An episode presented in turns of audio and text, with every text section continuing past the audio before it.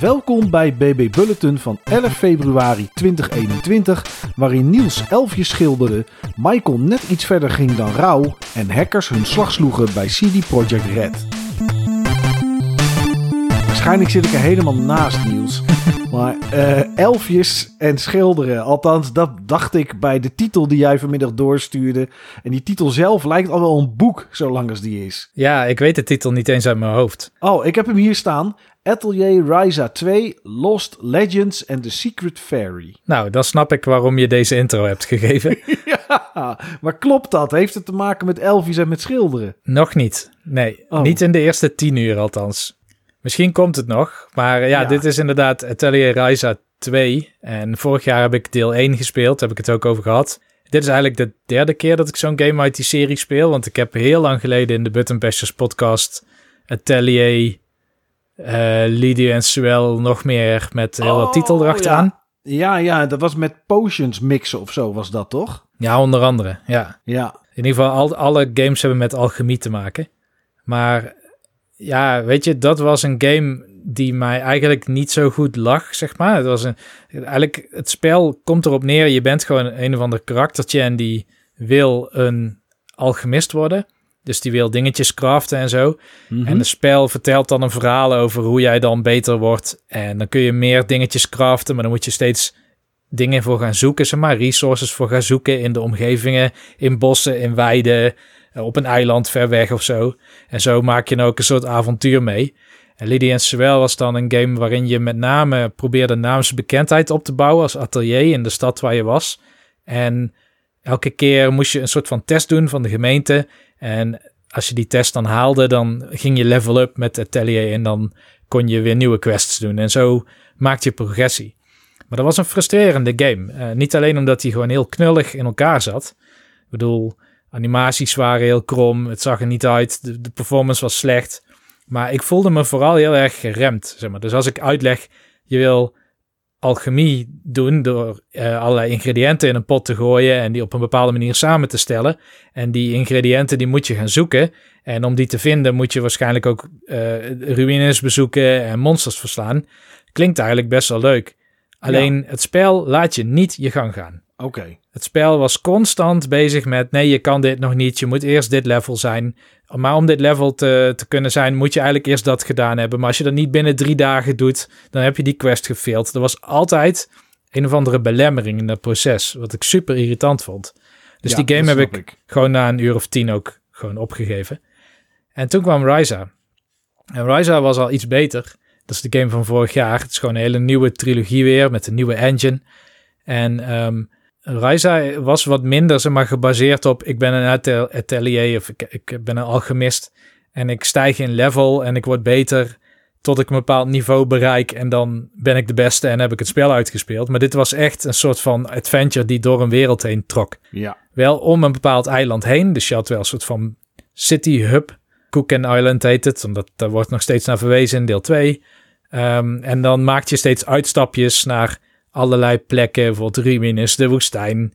ehm, eh, een heel ander gebied weer, eh, over, overkant van, van het eiland aan de andere kant van de kust of zo. Ehm, en dat was best wel cool, maar het was nog steeds niet dat ik dacht, dit is echt heel goed. Nee. Deel 2 bereikt het niveau echt heel goed. Oké. Ja, deze game die begint waar deel 1 ophield. Ik zou niet zeggen dat je deel 1 per se gespeeld moet hebben, maar je krijgt wel heel veel verwijzingen naar karakters die er al zijn geweest. Die kennen ze al, weet je wel. Dus je, je hebt nu Ja, ja, ja. Ryza, die is naar een andere stad verhuisd. Die echt een soort van Xenoblade scale heeft. Dus die is echt heel groot en zo. Veel te groot voor wat eigenlijk nodig is voor het spel. Maar in die stad heeft zijn atelier en daar komen ook wel eens mensen binnen. En dat kan zomaar zijn karakter zijn uit haar jeugd, zeg maar. Want het is dan jaren geleden dat ze dat andere avontuur heeft beleefd. En daar wordt dan wel eens naar terug verwezen. Maar verder staat het volgens mij best wel los van deel 1. Maar wat dit spel goed doet, is dit laat jou dus wel je eigen tempo bepalen. Er is altijd iets te doen en je kan altijd doen wat jij wil. In plaats van dat het spel zegt, nee, dat kan nou nog niet. Of, eh, oh, je wil dit eh, ingrediënt of dit recept unlocken. Ja, je hebt pech, want dan moet je eerst level 15 voor zijn. En dan moet je deze serie quests eerst nog voor doen. Dus hier kun je wel, ehm, je hebt gewoon sowieso een verhaal. En het verhaal, ik weet al even niet meer zo goed wat, waar precies mee te maken heeft. Want ja, ben ik niet zo van. Maar goed, eh, je moet iets doen in, in vier runes of zo. Ruïnes. En dat kun je gewoon advancen door gewoon op plus te drukken. Tenminste, ik speel dan op Switch en dan krijg je een minuutje te zien van, nou, dit is de laatste quest waar je mee bezig bent geweest. De volgende stap is dit. Bijvoorbeeld, je moet praten met dit en dit karakter en die zit, weet ik veel, in het academische district of zo van die stad. En dan ga je daar naartoe en dan praat je met het poppetje en dan zegt hij, ja, we moeten nu even naar de ruïne die ten noorden ligt van de grote open vlakte in het midden van de wereld of zo, weet ik veel. Ehm, dat kan.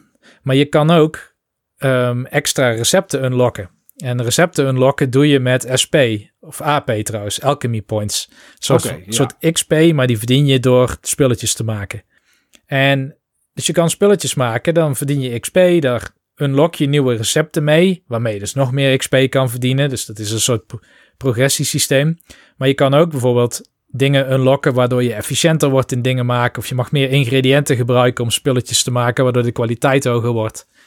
Dus dat kun je doen. Maar je kan ook sidequests aannemen. Die vind je in een soort van bulletin board in een café in die stad.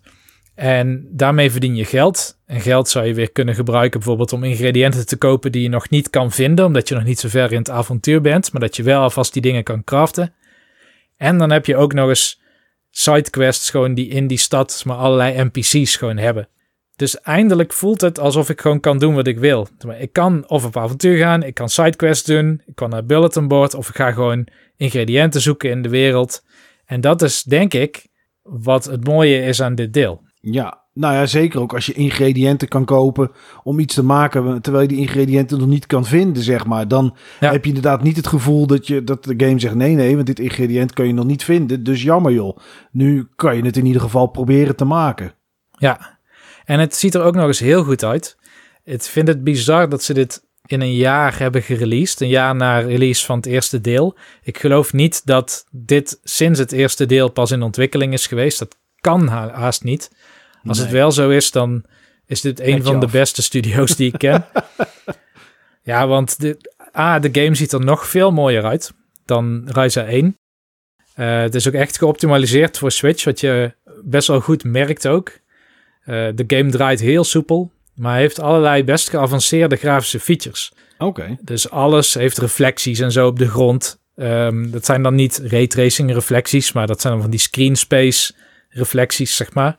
Ja. Ehm, en materialen die, eh, die, die hebben ook een bepaalde natuurlijke uitstraling. Bijvoorbeeld dat ze heel erg reflecteren of juist heel diffuus zijn.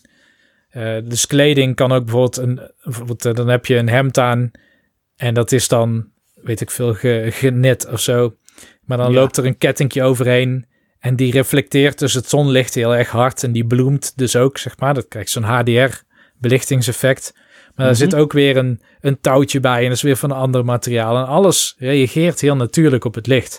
Oké, oh, dat is wel cool. Ja, dus is, ja, een depth of field, een, eh, een, een real-time dynamisch dag- en nachtsysteem dat ook goed met zonlicht en zo werkt. Dus dat is heel knap dat het ook zo goed draait. Ja. En ik denk dat de PlayStation 4 en 5 versie nog wel beter draaien en de PC versie.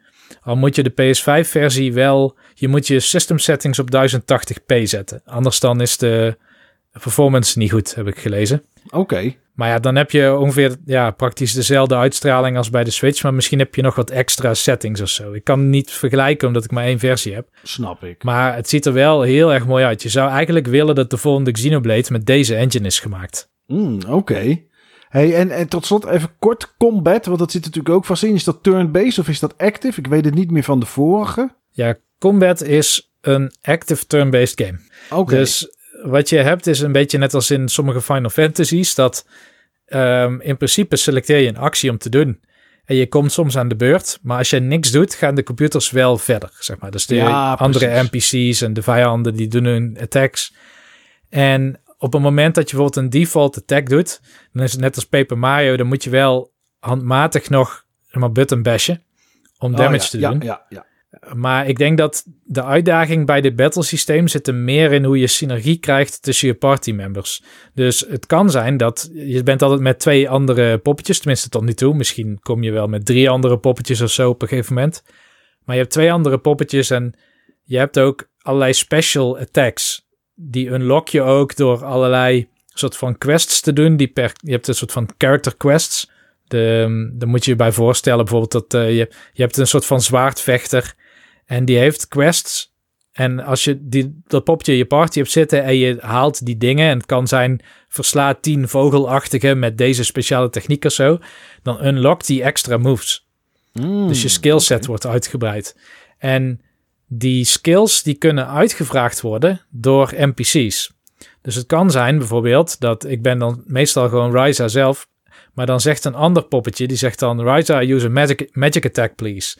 En als ik dan een magic attack doe op dat moment, of in ieder geval binnen een, een kort timeframe, dan volgt hij die attack op. En dan krijg je een soort van combo. En mogelijk volgt iemand anders die attack dan weer op. Ja, precies. Oké, oh, dat klinkt best wel cool. Ja, het is, zit heel erg goed in elkaar en het speelt ook snel.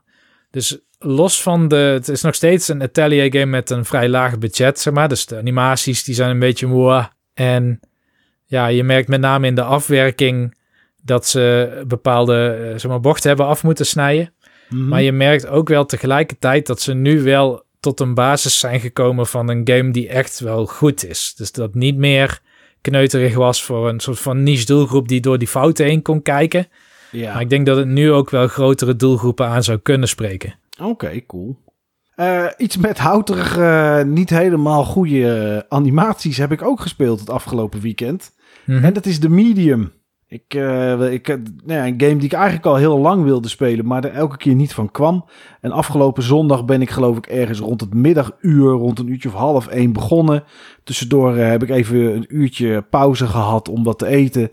En ik denk dat ik rond een uurtje of negen à half tien door de game heen was. Dus het is eh, geen hele lange game. Daar had ik ook bijna alle achievements op, eh, op drie na. Dus eh, je kan er vrij snel alles wel uithalen uit deze game. En ehm, dat maakt hem daardoor niet minder de moeite waard, moet ik zeggen. De medium is een. Ja, ik vond het heel moeilijk, want ik las van alles hoe mensen het betitelden. Ik heb zelfs adventure games heb ik voorbij zien komen. En dan denk ik terug aan de tijd van LucasArts en, en Sierra. Nou, dat is het totaal niet. Ehm, nieuwere adventure games, zoals misschien Thimblewood Park. Nou, ook niet. Het is totaal niet zoiets. Ik zou dit echt als een, ja, als een, als een walking simulator willen bestempelen met een, eh, met een klein beetje verhaal. Eh, nee, niet met een klein beetje verhaal. Dat zit natuurlijk heel veel. Met wat puzzel-elementen. Zo zou ik het willen bestempelen. Je, je speelt een, ehm, een, een dame. Die is een medium. En zij is eh, geadopteerd door een, eh, een eigenaar van een uitvaartcentrum. En de game begint op het moment dat de, de- ja, jouw vader, zeg maar, niet echte vader, dat die overleden is en dat je die moet gaan begraven. Nou ja, op dat moment krijg je een telefoontje dat je gevraagd wordt om naar het Niwa Hotel te komen. Er wordt niet gezegd waarom je daar naartoe moet komen. In de eerste instantie weiger je ook totdat er iets gezegd wordt dat jou triggert. En daar begint jouw avontuur. Dan ga je onderweg naar, eh, naar dat hotel. En dat is een hotel waar ooit een, een, een, groot, ja, grote ramp zich heeft voltrokken. En heel veel mensen zijn overleden. En eh, ja, vanaf dat moment dan komt het verhaal los en, en begin, je, ja, begin je mee te maken wat er al de hele leven met jou gebeurt. En nou ja, dat heb je in alle trailers en, eh, en screenshots kunnen zien. En het is dat je soms twee werelden tegelijkertijd beleeft.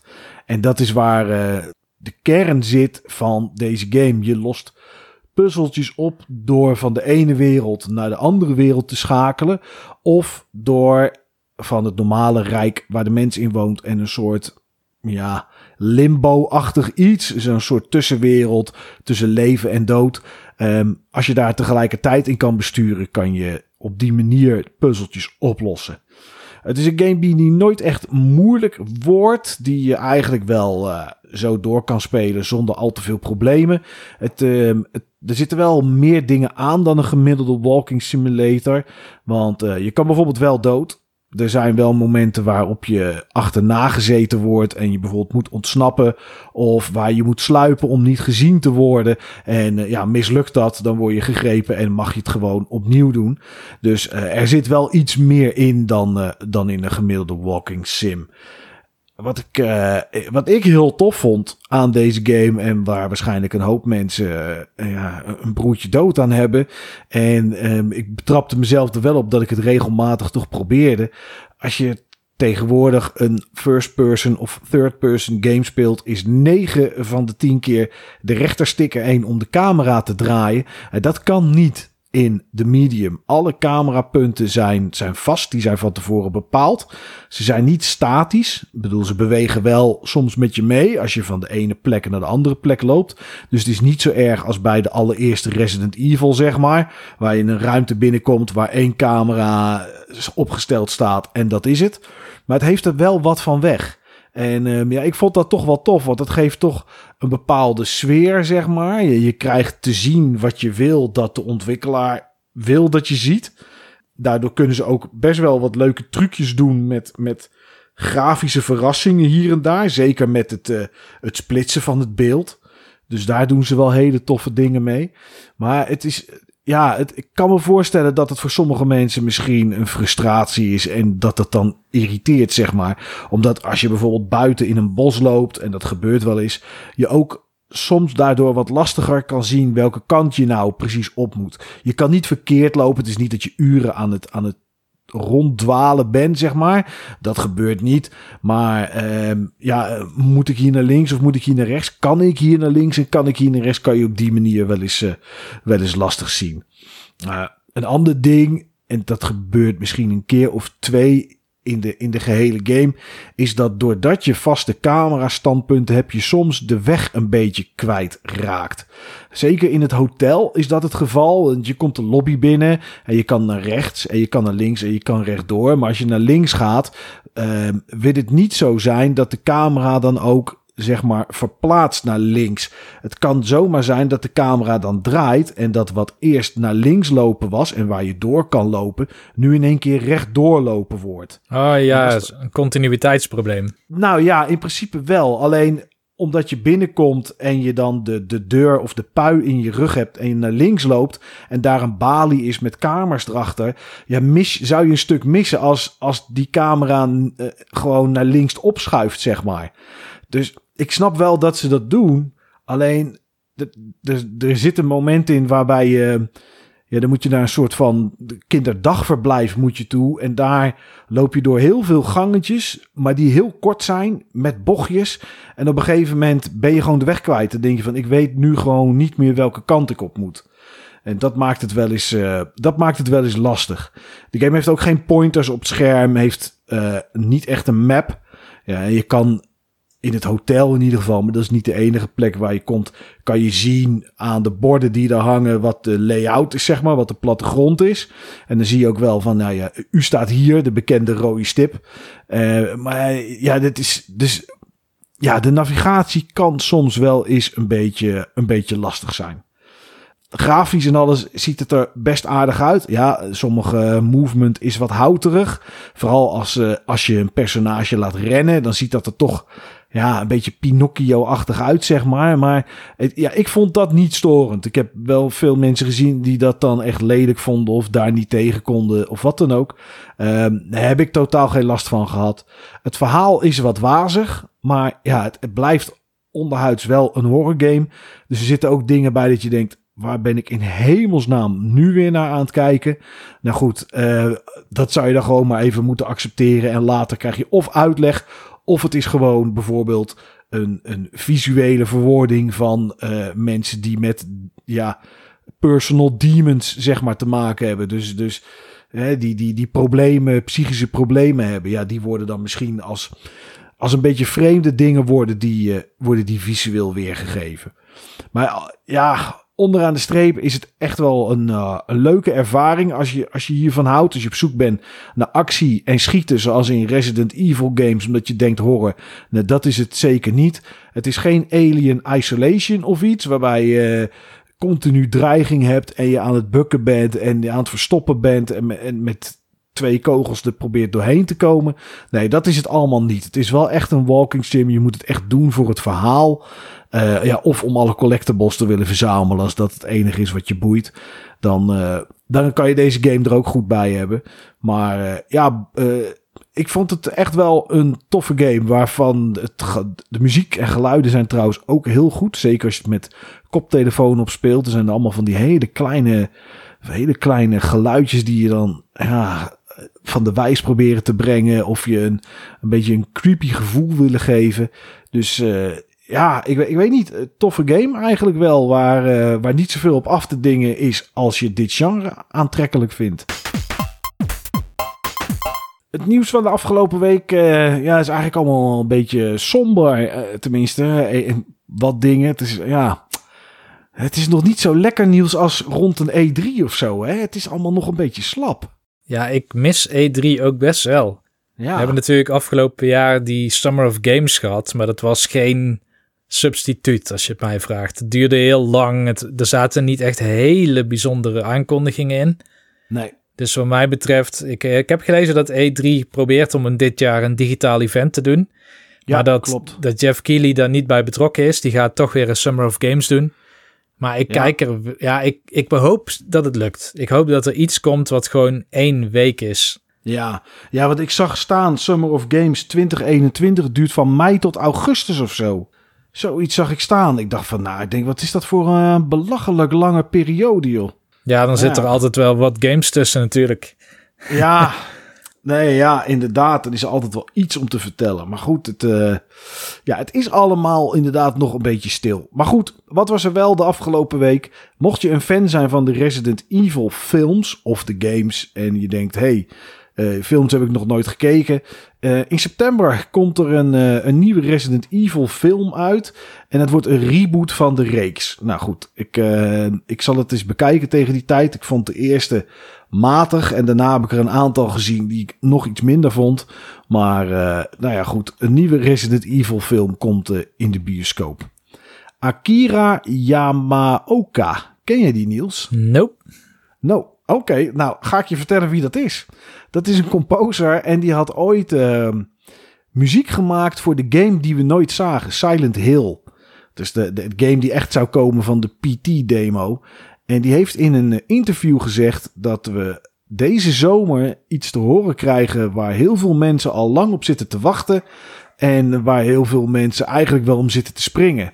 Nou ja, dan zou dat natuurlijk kunnen betekenen dat er een nieuwe Silent Hill game komt. Want dat is waar heel veel mensen toch op hopen. En uh, misschien klopt dat ook wel een beetje. Want op een of andere magische manier werd uh, gevraagd aan de interviewers of ze dat stukje van, uh, van hun video offline willen halen. Dus wie weet komt er iets deze zomer.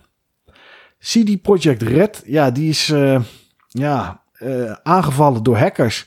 Beetje hetzelfde verhaal als bij Capcom en Nintendo. En uh, ja, wat is er gebeurd? Ze hebben volledige dumps van de source code hebben ze buitgemaakt van Cyberpunk, The Witcher 3, van Gwent en, en dat, nou ja, goed, aan de ene kant klinkt het interessant, maar de manier waarop we erachter komen is natuurlijk niet zo heel tof. Een nog niet uitgebrachte versie van The Witcher 3 met raytracing. En de hackers hebben een documentje achtergelaten dat ze 48 uur hadden om een deal te maken. CD Projekt Red heeft dat niet gedaan. En uh, ja, nu staat uh, de volledige source code van Gwent staat online. Ik weet nog steeds niet, Niels, wat hackers hier nou aan hebben. Ja, ze proberen natuurlijk geld te verdienen op een eh, niet zo prettige manier. Dat snap ik wel. Maar wat, ja, wat, wat heb je er nou aan om dan zo'n source code te lekken? Wat moeten we ermee? Ja, ik denk dan laat je zien dat je het meent. Hmm, ik denk dat dat het is. Maar ze hebben ook de source code, in ieder geval source code van de Red Engine. Hebben ze geveild online. Oh, hebben ze die geveild, ja? Ja. Oh jeetje, dat is wel heel vies zeg. Mhm. En daar zijn dus ook mensen die daarop geboden hebben dan, weet je dat? Ja, het is verkocht. Oké. Jeetje, ik dacht alleen dat die Gwent-ding... Ja, die Gwent source code inderdaad, wat je zegt... Hè, laten zien dat je het meent... is een beetje hetzelfde als een pink opsturen, denk ik... naar, uh, de, naar de ouders van de, de kind wat je ontvoerd hebt of zo. Maar ja, Oké, nou dat zal, niet, uh, dat zal vast niet op Marktplaats of eBay geweest zijn, gok ik. Nee. Dat, dat zal ergens op het dark web gebeurd zijn. Maar goed, uh, ja, nog allerlei andere documenten zijn er gestolen. CD Projekt Red heeft aangegeven dat er geen uh, pers, uh, persoongegevens of creditcardgegevens van klanten dat die, dat die gestolen zijn. Maar ja, sowieso, weet je, het zou, dit mag sowieso nooit gebeuren. Maar ja, ik vind het wel Ja, wat moet je hier nou mee, man? Stop lekker, ga iets nuttigs doen, denk ik dan. Maar goed. Ik vind het ook wel zuur voor twee vrienden van mij. Die hebben eerst bij Capcom gewerkt, werd daar hun gegevens gestolen. Nou werken ze bij het CD Projekt Red, worden daar hun gegevens weer gestolen. Oh, ja. Ja, dat is wel... Uh, dan, dan hangt het echt aan je kont uh, ja. op een of andere manier. Ja. Prince of Persia, Sand of Times, de remake, uh, is wederom uitgesteld. Eerst had het nog wel een datum. Ik geloof dat ergens september was of zo, waarna die werd uitgesteld. En nu is die uitgesteld naar een later moment. Dus uh, nog geen datum, nog geen tijd voor de remake van Sense of Time. Borderlands 3 krijgt op 18 maart een nieuwe add-on. De Director's Cut komt dan uit. Crash Bandicoot 4, It, It, It's About Time, komt op 12 maart uit voor PC, PS5, Switch, Xbox Serie X en S. Ik vond het wel apart nieuws, want ik dacht, nou, zo'n game als Crash Bandicoot, dat breng je toch ook wel naar de Xbox One-reeks en naar de PS4, maar blijkbaar niet. Nou, PS4 is hij al uit. Hij was vorig jaar daar al op uit. Oh, hè?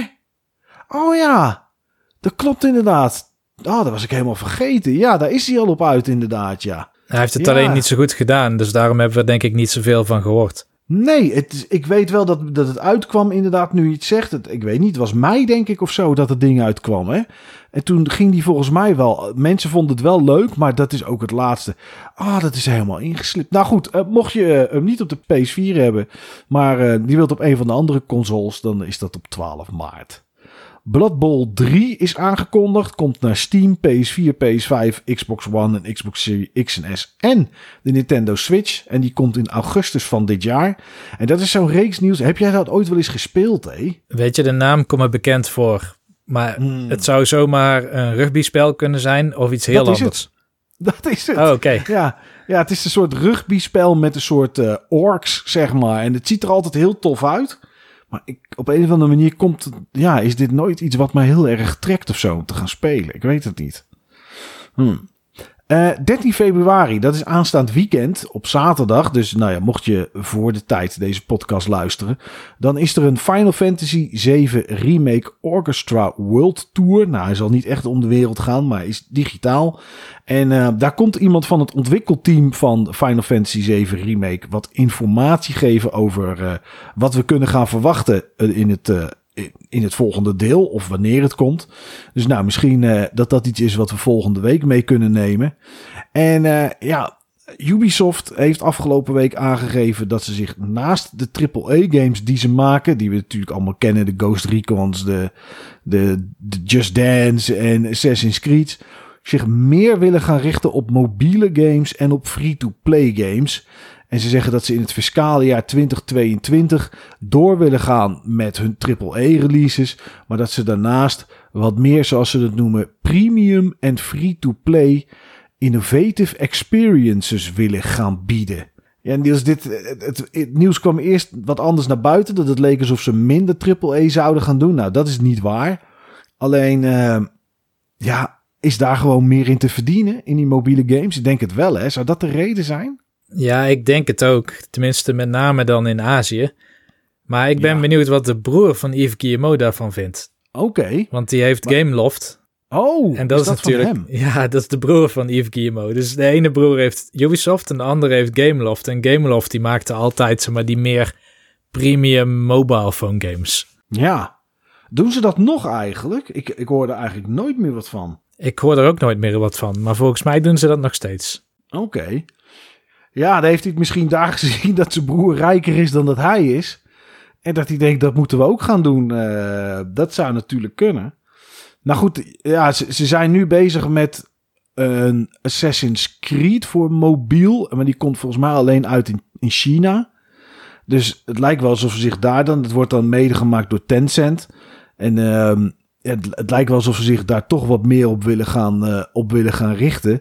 Ja, goed, we hadden vorige week natuurlijk het bericht van EA. Die met de mobiele Star Wars game uh, daar volgens mij een miljard of zo uh, mee hebben opgehaald inmiddels. Dus ja, daar zit natuurlijk wel geld in. En als je kijkt naar, um, hoe heet het? Naar Fortnite. Als je het hebt over gratis games met microtransactions. Ja, dan wordt daar natuurlijk ook voldoende aan, aan verdiend. Dus ja, blijkbaar is dat toch iets waar ze, waar ze naar zitten te kijken. Forza Horizon 4 komt in maart naar Steam, als je dat zou willen. Uh, net hadden we het al over de E3 2021. Nou ja, die lijkt puur digitaal te gaan worden. En Ratchet Clank Rift Apart komt op de PS5 uit op 11 juni. Ik was die game niet vergeten, maar van de week dacht ik wel... wanneer dat ding zou toch komen in februari? Maar goed, ik wist wel ergens dat die uitgesteld was, maar geen nieuwe datum. En uh, die hebben ze vandaag bekendgemaakt. Dat is uh, juni, dus de 11e van juni. Ja, en weet je nou of dat uh, Ratchet Clank Rift Apart ook naar de PS4 komt of alleen naar de PlayStation 5? Alleen PlayStation 5. Oké. Ja, ja, ja. Die komt alleen naar de PS5. Dus. Um, wat mij betreft is de koek op, maar jij had volgens mij nog iets nieuws. Iets over DualSense controllers. Ja, ja dat uh, heb ik gisteren ergens opgepikt.